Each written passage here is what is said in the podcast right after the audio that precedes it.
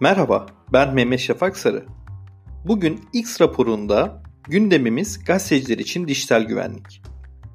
Uluslararası Gazeteciler Ağı, İJNET'in dijital güvenlik web semineri sırasında Dropbox Güvenlik Direktörü Rajan Kapur ve Volt Data Lab Başkanı Sergio Spagnolo, gazetecilerin kendilerini korumak için kullanabileceği bazı ipuçları ve araçlar paylaştı. Ben de size bunları aktaracağım.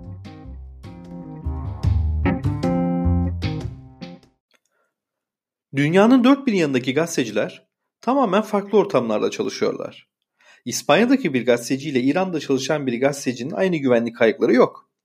Ancak dijital güvenlik söz konusu olduğunda herkesin verilerini, iletişimini ve kaynaklarını korumak için ortak adımlar atması gerekiyor. Dünya genelinde basın özgürlüğüne yönelik baskı, gazetecilere yönelik gittikçe düşmanca ortamlara yol açarak güvenlik ihtiyacını daha da zorlaştırdı. Covid-19 pandemisi sırasında yeni koşullarla karşı karşıyayız. Habercilik faaliyetlerimizi yürütmek ve faaliyetlerimizi tüm kişilerle etkin bir şekilde işbirliği yapmak için internete her zamankinden daha bağımlı hale geldik. İnternete güvenli bir şekilde bağlanmak için dijital güvenlik alanındaki en yeni araçları ve uygulamaları takip etmemiz gerekiyor. Peki dijital güvenliğimiz için neler yapmalı, neler yapmamalı? Hadi gelin bunları bir bakalım. Muhakkak iki faktörlü kimlik doğrulamasını kullanmamız gerekiyor. Bu veri güvenliği için ilk temel adım.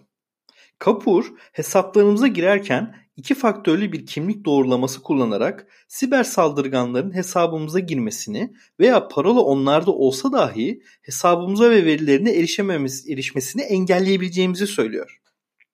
İki faktörlü kimlik doğrulamayı ayarladığımızda SMS yerine bir kimlik doğrulayıcı uygulaması kullanmamızı öneren Kapur, Duo diye bir yazılım kullanıyor ancak bir sürü başka seçenek de var.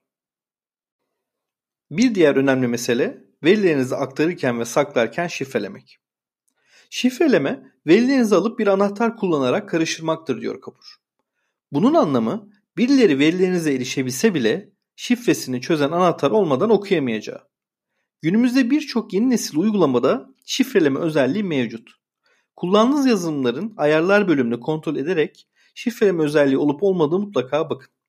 Ayrıca yazışırken, görüşürken de şifreleme protokolü olan uygulamaları kullanmanız verilerinizi aktarırken de muhakkak şifrelenmesini ve güvenli olmasını sağlayacaktır.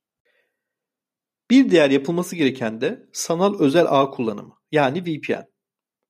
Malum Türkiye'de internet kullanıcıları VPN'e pek aşina. Engellemeler ve sansür nedeniyle hemen hemen hepimizin VPN kullandığını biliyorum. Fakat bilmeyenler için inceleyelim. VPN Webde güvenli bir şekilde gezinmemize olanak tanıyan bir araç. Tüm internet trafiği verilerimizi ve internet etkinliğimizi bir proxy sunucusu üzerinden yönlendiriyor ve sizi gözetlemeye çalışan herkesten koruyor. Ayrıca gizliliğinizi korumak için de IP adresinizi maskeliyor. VPN'ler genellikle abonelik hizmetleri oluyor ve akıllı telefonlara rahatça yüklenebiliyor. VPN'ler yararlı olsa da şunu unutmamak gerekiyor. VPN yüklemek bütün dijital güvenlik önlemlerini aldığımız anlamına gelmiyor.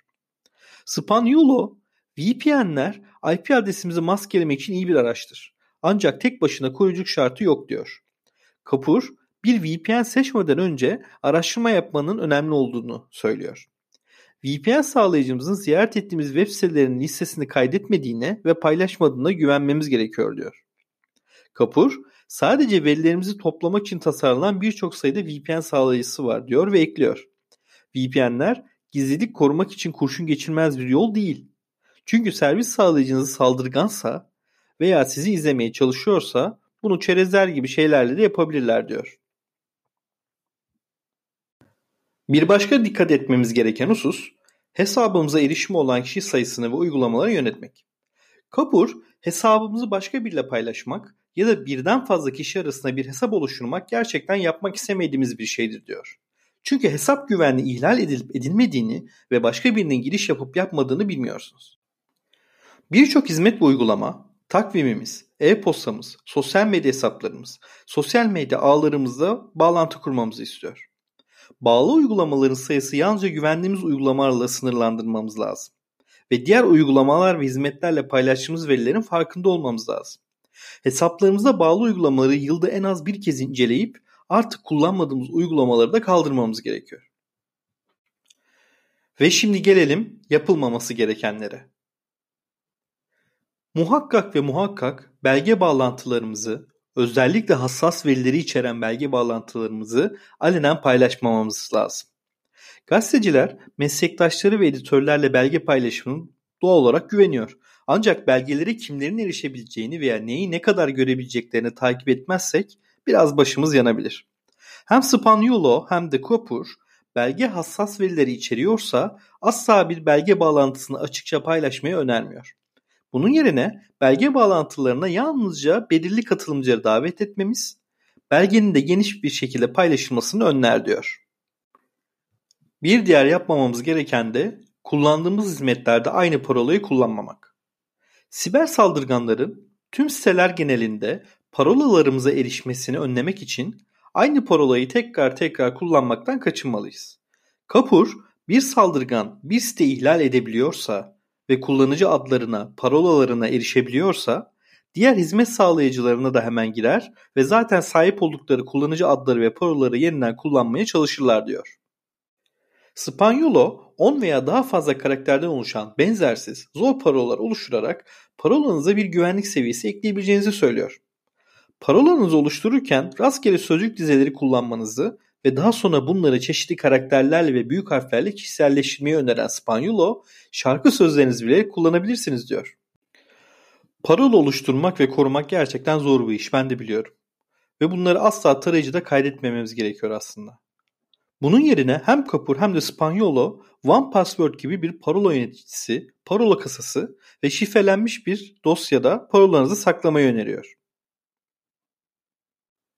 Tüm verileri aynı şekilde davranmamak yapmamamız gerekenlerin arasında. Herkes açık bir web semineri düzenliyor veya ofisteki sıradan konuları tartışıyorsanız bu verilerin büyük olasılıkla birinci sınıf güvenliği ihtiyacı yoktur. Bu durumlarda normal hücresel servisleri, video konferans araçlarını veya sohbet uygulamalarını kullanabilirsiniz. Ancak bağlantılarınızın tamamen güvenli olmayacağının farkında olmalısınız. Eğer bir haber kaynağıyla konuşuyorsanız veya hassas bilgiler içeren bir hikaye üzerine çalışıyorsanız, kullandığınız yöntemleri dikkate almak istersiniz.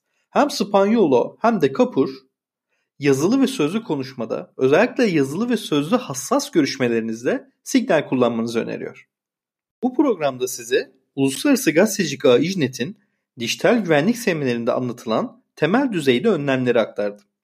Daha derine inmek için web sitem meysafaksari.com adresine tıklayıp Volt Data Lab'dan gazeteciler için dijital güvenlik araçları yazısına göz atabilirsiniz. Ayrıca unutmayın, tüm bu anlattıklarımı gazeteciler dışında her internet kullanıcısının uygulamasını öneririm.